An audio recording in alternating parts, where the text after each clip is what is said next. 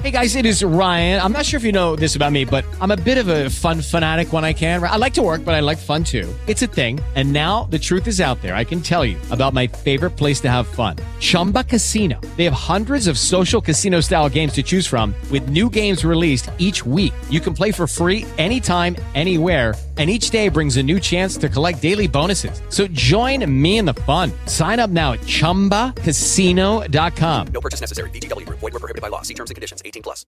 With the Lucky Land slots, you can get lucky just about anywhere.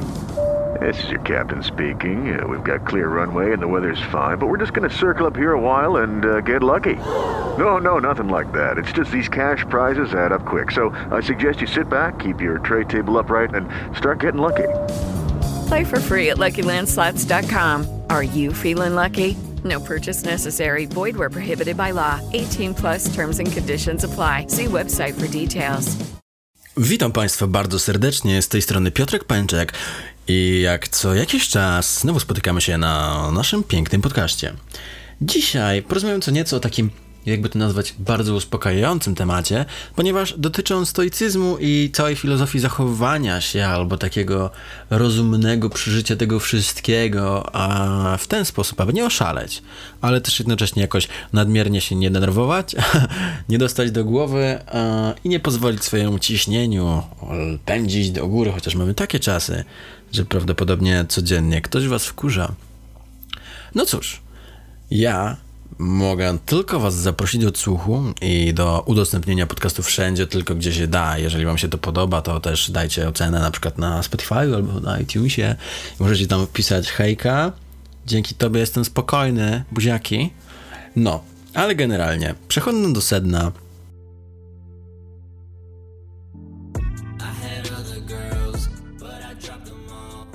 Rozpoczynając całe moje gadanie o sensie emocji, o sensie życia i bla bla bla bla, to chciałbym powiedzieć, że ja generalnie samemu osobiście mm, bardzo mocno daję nacisk na to, że rozróżniam rzeczy pomiędzy patosem a logosem, czyli emocjami działaniem logicznym, tak? Tak więc bardzo mocno e, próbuję przefiltrować to, co się najpierw dzieje wokół mnie przez te dwie bramki. Czy ktoś działa na przykład na mnie, na moje emocje, czy może ktoś raczej działa logicznie i te moje emocje nie powinny zostać wzbudzone, bo jeżeli bierzemy pod uwagę to, że możemy dać się komuś wplątać właśnie przez jakieś emocjonalne intrygi, wtedy cała ta kombinacja zaczyna działać o wiele gorzej, no bo o wiele ciężej nam jako ludziom, jako zwierzętom powstrzymać nasze emocje, a też ciężej jest nam wzbudzić logikę, w sensie tą naukę i to wszystko, co może opierać się na faktach i co może bronić nas przeciwko jakimś totalnym głupotom albo porywom i prowokacjom. Tak więc filozofia stoicka obejmuje nawet fizykę, logikę i etykę. No ale ogólnie można powiedzieć to, że zajmuje się tą etyczną stroną mm, myślenia i na tym chce się skupić. No i w tym momencie spotykamy sobie trzech ziomeczków, a konkretnie trzech myślicieli działających w stosunkowo późnym okresie mm, rozwoju całego stoicyzmu. Ja samemu dopadłem kilka z nich prac, mam je, ale takim najbardziej i najbardziej rozpowszechnionym, najsławniejszym, by można było powiedzieć jak na tamte czasy, gościem, a konkretnie stoikiem rzymskim był cesarz Marek Aureliusz. Żył on w okresie tam między 121 a 180 rokiem naszej ery. Generalnie on wcielał w swoje życie bardzo ciężkie i trudne stoickie wskazania, ale jednocześnie sprawował władzę i korzystał też z licznych przywilejów. Przykładowym dziełem samego Aureliusza są rozmyślania i to jest po prostu zbiór krótkich refleksji, cytatów, jakichś komentarzy na temat po prostu ludzkiej kondycji. Stanowi on jakby taki najbardziej znany i najbardziej lubiany stoicki tekst. Kolejnym z takich naszych pięknych ziomeczków, z którymi chętnie napilibyśmy się wina i pofilozofowali na łaczce jest Epiktet. On wychodzi, wywodzi się z przeciwnego krańca drabiny społecznej, był urodzony jako grecki niewolnik, mm, został wyzwolony, gdy miał 18 lat, ale przez większe życie pracował jako nauczyciel. Nie zachował się żaden tekst pisany jego ręką, ale jego słowo utrwalił jego uczeń, Arian. E, były to konkretnie cztery księgi, diatryby, e, a w krótkim streszczeniu myśli Epikteta nazywał się to podręcznik, po prostu podręcznik. Znowu, teraz przechodzimy do ziomeczka, który w tej grupie mówi najwięcej. Jest to Seneca. Seneca żył w czwartym roku przed naszą erą, aż do 65 roku. I był nie tylko filozofem, ale był także dramaturgiem, politykiem. Generalnie jego kariera odzwierciedla wzloty i upadki. Tak jak w Cesarstwie Rzymskim wielu, wielu władców i ludzi. No bo w wieku 41 został wygnany, a po 8 latach ponownie został powołany do roli opiekuna i nauczyciela samego Nerona. Ale popadł wtedy niełaskę u cesarza, no i cóż, został zmuszony do popełnienia samobójstwa. Jakże pięknie to brzmi. Jego listy do Lucyliusza oraz liczne eseje moralne dają możliwość przyjrzenia się w walce ze zmiennymi właśnie powodzeniem, jakie tutaj toczy człowiek, żeby żyć godnie ze wzniosłymi ideałami. Praca nad tą książką, jakby i wszelkimi obrobieniami tekstu jest bardzo ciężka, no bo bądźmy szczerzy. Zebranie takich starych wszystkich wypisów, filozofów zresztą, którzy bardzo mocno próbują otoczyć całe nasze życie w taką piękną poezję dotyczącą cierpienia i, i tego wszystkiego. Samemu mogę powiedzieć tylko tyle, że przez pryzmat tego, co przeczytałem, a przeczytałem dosyć sporo z tych dzieł, trzeba je mocno filtrować. Chociaż ja na przykład stosowałem po jakimś czasie już taką taktykę pod tytułem a, czasem sobie przeczytam jakieś tam dwie kwestie albo dwie sentencje, zobaczymy, co z tego wyjdzie. Bo jakby wiadomo, że życie to pęd i w tym momencie nagle możemy sobie zobaczyć, że no, akurat tak jak horoskop on, on, ma trafiać w dany moment albo trafiać w daną sytuację. Tak samo jest właśnie z taką filozofią. Ich teksty są ok, możemy sobie coś wymyślić, możemy sobie coś przetrawić, możemy coś przeboleć, przespać. Jest pięknie, ładnie, fajnie, ale tak, żeby popaść w to i za przeproszeniem zostać stoikiem w pełnej tego słowa znaczeniu i porzucić wszystko i być mega spokojnym, no ja nie jestem zwolennikiem czegoś takiego, ponieważ wydaje mi się, że najlepiej jest po prostu wyciągać z danych filozofii, z, danego, z danej rzeczy, nawet bym powiedział, te możliwości, które są najlepsze dla nas, jako rozwój, albo w ogóle po prostu przez pryzmat naszego ja. I nie chciałbym się poświęcić tutaj w pełni do tego, żeby zostać takim stuprocentowym stoikiem i pozbyć się wszelkich innych idei i motywów mojego życia. No ale cóż, generalnie wszystko w stoicyzmie ma być mm, ścieżką takiego wyzwolenia własnej osoby. Bo można być szczęśliwym już teraz, niezależnie od tego, co się dzieje. I Viktor Frankl mógł to opisywać podczas II wojny światowej tak samo działo się to wcześniej. Wiele z naszych problemów już są jakby dawno przeżyte przez inne osoby, są zapisane w literaturze. Co prawda nie są zapisane pod naszymi nazwiskami, ale bardzo mocno mogą odnosić się do sytuacji, których mm, przeżywamy. No, nie musimy mieć pieniędzy na inwestycje na giełdzie tylko po to, żeby uważać coś za własne zbawienie. Mm, po prostu jest zrozumienie tej po prostu, albo w sumie wcale nie tak po prostu, bo musimy przeboleć coś takiego, albo postarać się o to, żeby przekonać nasz mózg. Przekonać nasz mózg prawdopodobnie wcale nie jest łatwo, no bo jeżeli macie jakieś uzależnienia, albo coś, co was wkurza, to nagle możecie zdać sobie sprawę, że ej, to nie jest w sumie takie proste. Ale chodzi tutaj o to, żebyśmy zrozumieli samą istotę rzeczy i wiedzę, e, którą możemy zastosować w życiu. No, cóż, zrozumienie tych wszystkich rzeczy jest szczególnie ciekawe. Osiągnięcie danych umiejętności też jest fajne i ciekawe, ale wymaga cierpliwości, wysiłku, dyscypliny. No nie jest takie hop że o, pstryk i lecimy sobie tutaj i jesteśmy bogami e, rzeczywistości. No, no niestety. Więc taka jest moja nieprzyjemna prawda, więc zdałem wam takiego beat slapa w policzek. No ale cóż, system jakby może nam dawać coś takiego, że jesteśmy w stanie poradzić sobie z jakimiś osobistymi wyzwaniami, osobistymi wyrzeczeniami nawet, a sam stoicyzm pozwala nam pozyskać taki zdrowszy pogląd na rzeczywistość i doprowadzić do tego, żeby nasze życie stało się bardziej satysfakcjonujące. Nie musicie mi w ogóle wierzyć, bo jakby ja przez bardzo, może nie bardzo długo, bo jakoś długo nie żyję, ale przez spory epizod mojego życia jestem raczej takim łączonym stoikiem. W sensie zaznałem tej wiedzy na temat tego, co oni tam pisali. Z nie wszystkimi tekstami się muszę zgadzać. Nie chcę teraz przytaczyć tych wszystkich po kolei, bo zanudziłbym tym na śmierć. No ale cóż. Stoicyzm niestety działa już od 2000 lat, więc musicie się z tym pogodzić. Tak samo jak Shirinyoku to już jest. Tak samo jak środowiska, jak konfrontacje, jak osobiste straty, jak nasze niepewności finansowe, jak wstrząsy społeczne, strapienie choroby i śmierć. Wszystko to już istnieje, tak? Cały ten wachlarz po prostu może nas dotykać, może wachlować nas po twarzy w piękny, jakże hmm, czarujący sposób, no może rozczarowujący sposób. Ale znowu stoicyzm tutaj rzadko kiedy rozczarowuje.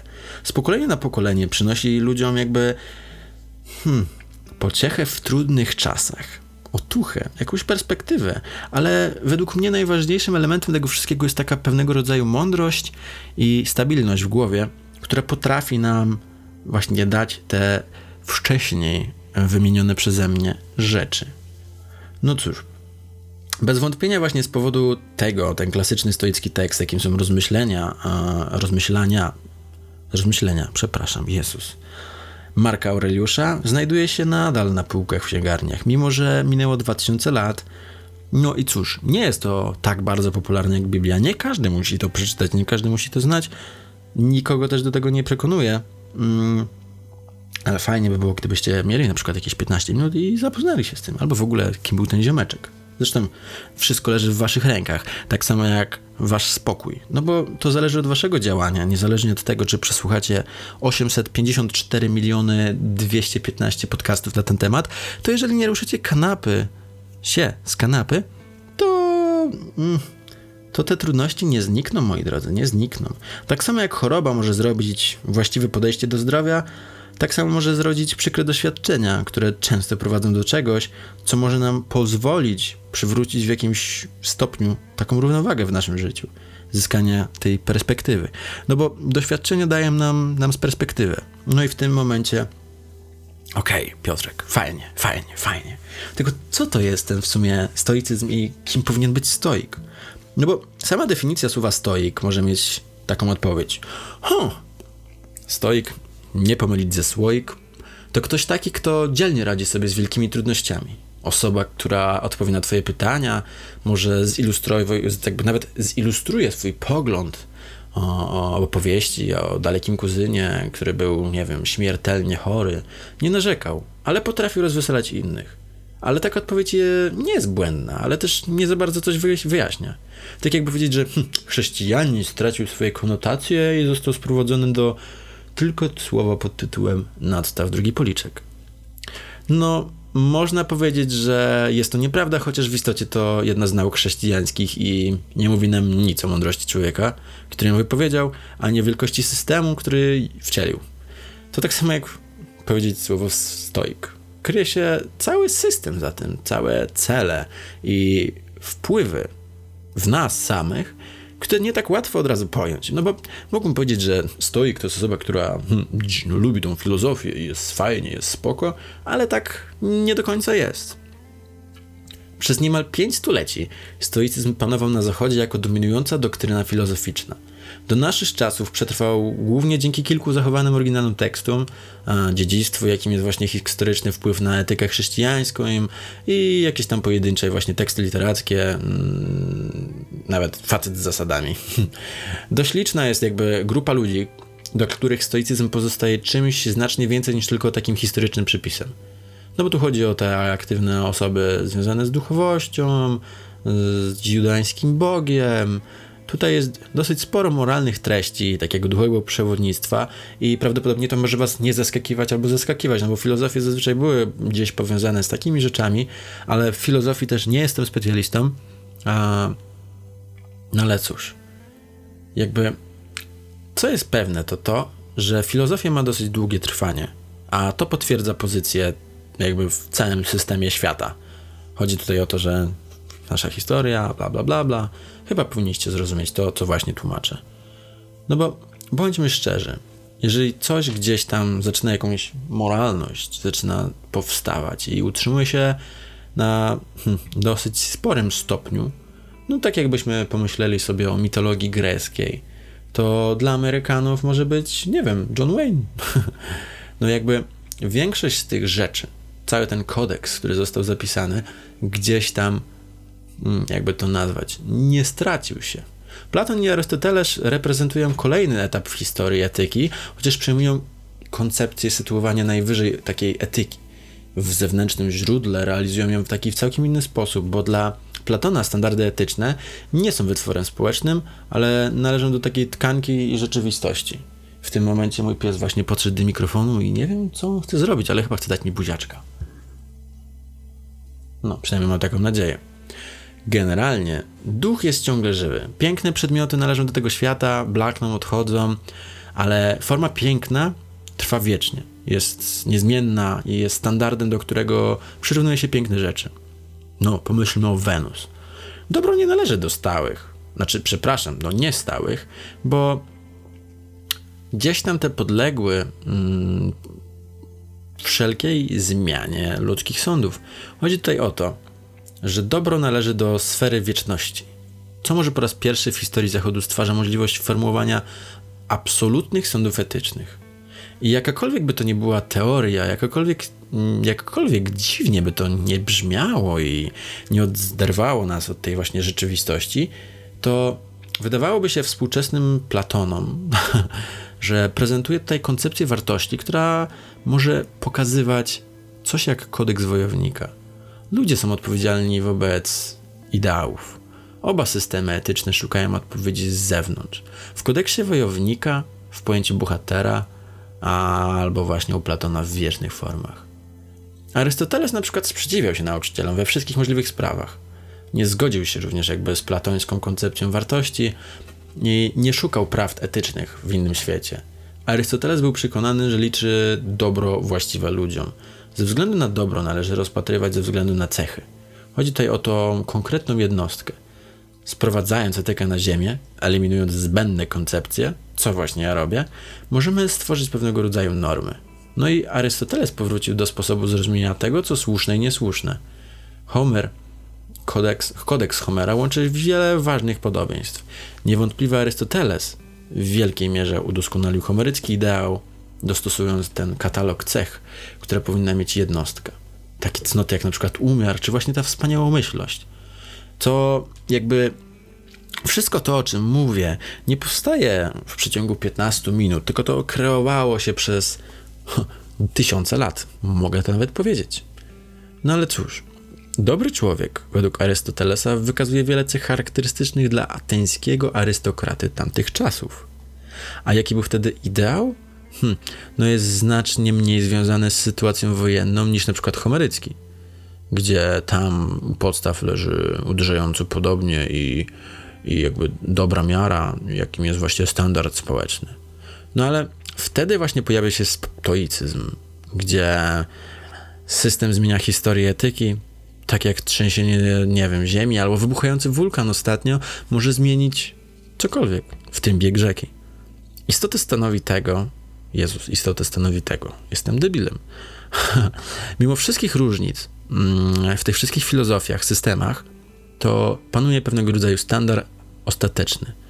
Taki zespół wskazówek dotyczący sposobu zachowania się jako jednostka albo właśnie poza tym wszystkim. Homer, hmm, wojownik. Arystoteles, hmm, arystokracja. Platon, wieczna, niezmienna forma.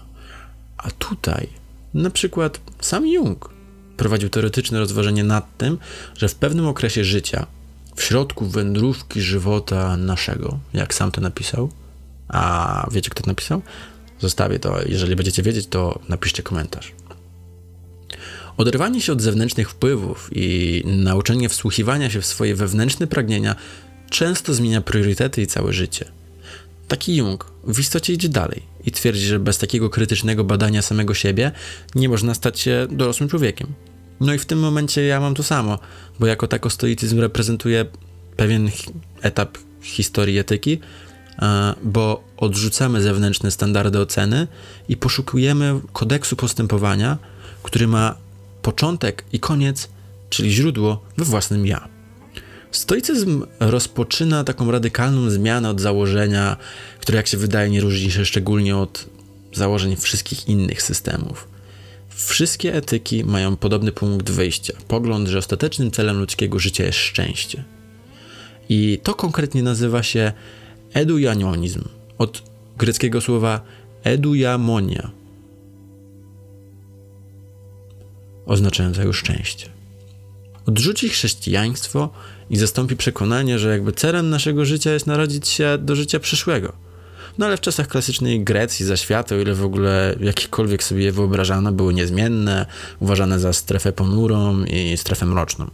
Skupienie się na osiągnięciu szczęścia tu i teraz było więc całkiem naturalne. No, nawet Nietzsche miał taką zdolność do osiągnięcia szczęścia, ale chrześcijanie mieli to zakazane. Mieli zakładać, że lepsze jest co? Życie przyszłe. Czym jest więc szczęście? Jak możemy je osiągnąć? Z pewnością w historii zachodniej myśli nie brakuje. Różnych odpowiedzi na te pytanie też jest miliony. Pogląd stoicki w pewnym uproszczeniu generalnie mówi, że jesteśmy szczęśliwi tylko wtedy, kiedy jesteśmy zadolni zaspokoić nasze pragnienia, a analogicznie jesteśmy nieszczęśliwi, kiedy nie możemy tego zrobić. Epiktet powiedział to w ten sposób: Dusza bowiem szczęśliwa musi być w posiadaniu wszystkiego, czego pożąda. I to stwierdzenie ujawnia inną cechę stoicyzmu, która za sobą niesie taką demokratyzację. Homer, Platon, Arystoteles, oni byli elitami. No i jakby przyjmowali, że życie jest dobre i jest dostępne tylko dla nielicznych wybranych, obdarzonych siłą albo inteligencją, albo arystokratycznym wychowaniem. No ale skoro jednak każdy czegoś pragnie, to stoicyzm nie tworzy żadnych takich ograniczeń dotyczących tego, więc każdy może osiągnąć dobre, właściwe dla nas samych. No i pierwszy raz w historii myśl szczęścia stało się wtedy dostępne dla wszystkich. O ile nie wydaje się, że stoicyzm czyni jakieś szczęście dostępne dla wszystkich, z innej perspektywy można zarzucić temu, że również wszystkim go odmawia. No bo kto może zaspokoić swoje wszystkie pragnienia? Większość z nas nie ma środków, żeby podjąć się tego hm, jakże pięknego zadania. Możemy być miliarderami, a możemy napotykać trudności w postaci rzeczy, których nie możemy mieć na własność i możemy spotkać ludzi, których nie możemy sobie kupić. Co więcej, jego pragnienie, żeby na przykład nie chorować albo się nie zestarzyć, nie umrzeć, hm, no niestety jest skazane na porażkę. Tak więc wydaje się, że szczęście jest nieosiągalne, no ale chyba że. No i w tym momencie stoicy wychodzą z czymś takim, że musimy porozmawiać o zrozumieniu. O zrozumieniu, o którym mówiłem na początku. W najczystszej formie przedstawił je właśnie Epiktet w pierwszym stuleciu naszej ery. Jego wyjaśnienie składa się z tych dwóch części i zaczyna się następująco. Z wszystkich rzeczy jedne są od nas zależne, drugie zaś niezależne. Zależne są od nas sądy, popędy, pragnienia, odrazy, czyli jednym słowem wszystko, co jest naszym dziełem. Niezależne natomiast są od nas ciało, mienie, sława, godność. Godności konkretnie. Jednym słowem to wszystko, co nie jest naszym dziełem. I jeżeli przeczytamy to jeszcze raz, usłyszymy to jeszcze raz, zależne są od nas Sądy, popędy, pragnienia, odrazy, czyli wszystko to, co jest naszym dziełem i niezależne od nas jest ciało, mienie, sława, godność, czyli to, co nie jest naszym dziełem. Nie możemy kontrolować pogody, ale jesteśmy przekonani, że potrafimy się powstrzymać od zastrzelenia agresywnego sąsiada. Gdy jednak pominiemy takie podstawowe rozróżnienia, wtedy próbując wytyczyć te granice, trafiamy na wszelkiego rodzaju trudności. I w tym momencie właśnie u mnie osobiście pojawia się patos logos. Czyli najpierw muszę pomyśleć logicznie, czy to jest zależne ode mnie, czy niezależne ode mnie. I wtedy mogę się przejmować albo nie. Co prawda nie chcę bronić tego, że to jest złoty środek na złote życie. Ale fajnie jest mieć to z tyłu głowy w każdej cięższej sytuacji. No bo bądźmy szczerzy, przydatna sprawa, co nie?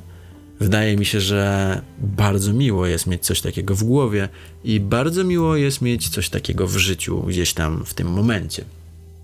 No ale cóż, jeżeli czegoś nie mogę kontrolować, no na przykład korków, to ktoś, mój znajomy na przykład, kupi sobie piękny dom, kupi sobie zajebisty samochód, kupi sobie wszystko, cokolwiek by chciał nawet zbierze miliony, ma piękną żonę świetlaną przyszłość.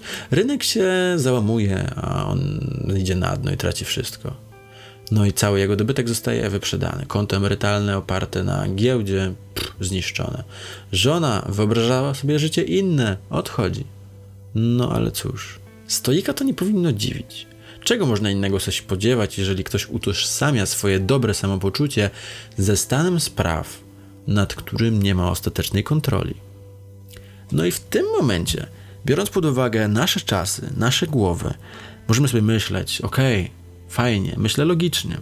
Gdzieś te emocje nas napędzają, te dopamina tych czasów, życie w obrazkach, wszystko się to dzieje, powiedzmy, że bardzo szybko. Kiedyś działo się tak samo. I w tym momencie trzeba pracować nad takim podejściem, żeby w ogóle to zrozumieć.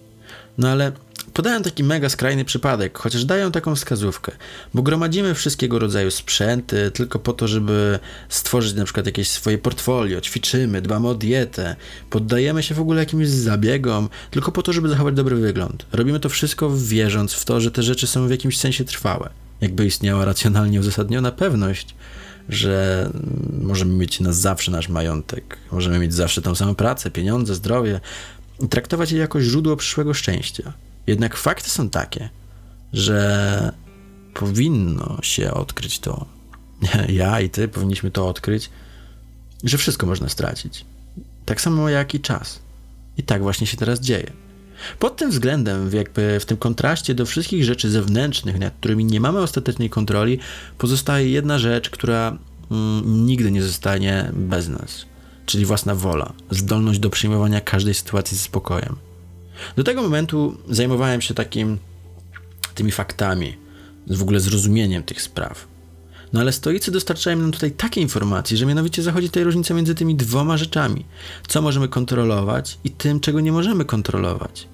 A na całym wszechświecie do pierwszej kategorii należy nie mniej, nie więcej, tylko jedna rzecz, ponieważ mamy kontrolę tylko nad tym, jak reagujemy na daną sytuację.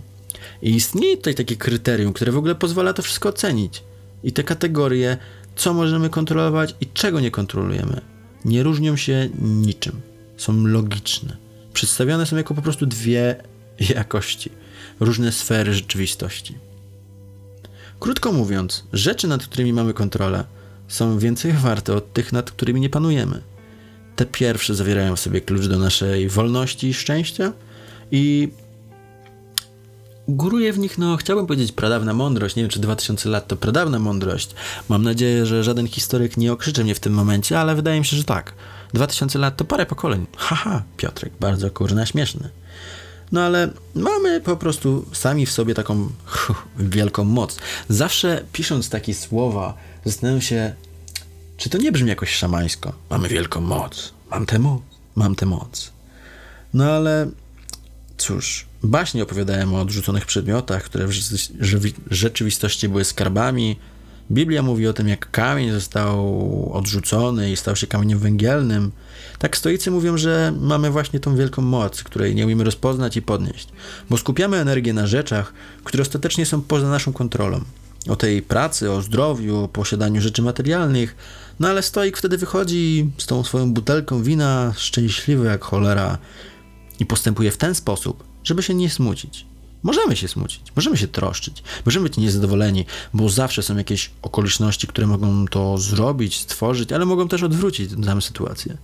I to, że cały nasz życiowy plan może zostać zniszczony przez to, że nie dostaliśmy się na studia, powinien być kompletnie zaakceptowany, ale też z drugiej strony to nie ogranicza tego, że my, jako człowiek, musimy powiedzieć sobie, ej, dobra, to jest zależne ode mnie, to zależy od moich wyników, od mojego postarania się nad tym tematem i w tym momencie to ja powinienem zapierdalać, żeby zrobić coś takiego.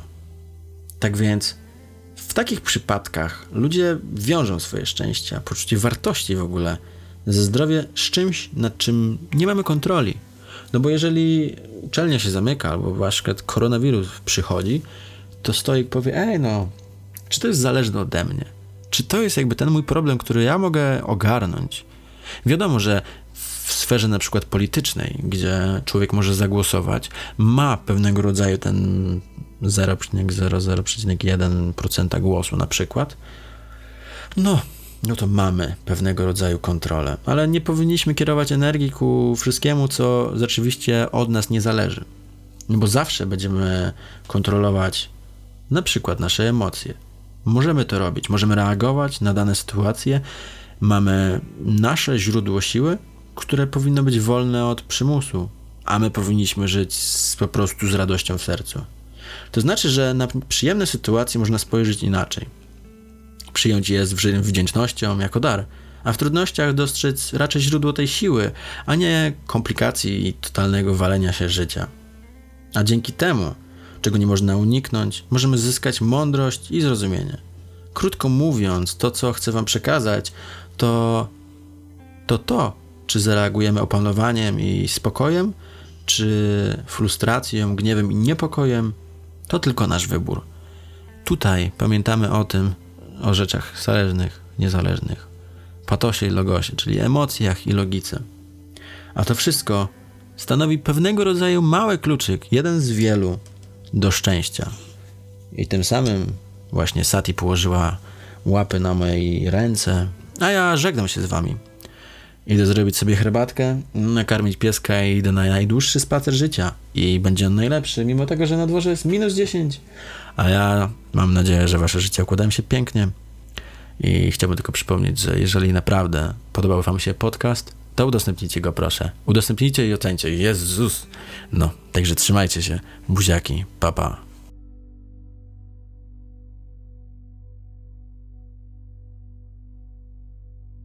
You've worked hard for what you have your money, your assets, your 401k, and home. Isn't it all worth protecting? Nearly one in four consumers have been a victim of identity theft.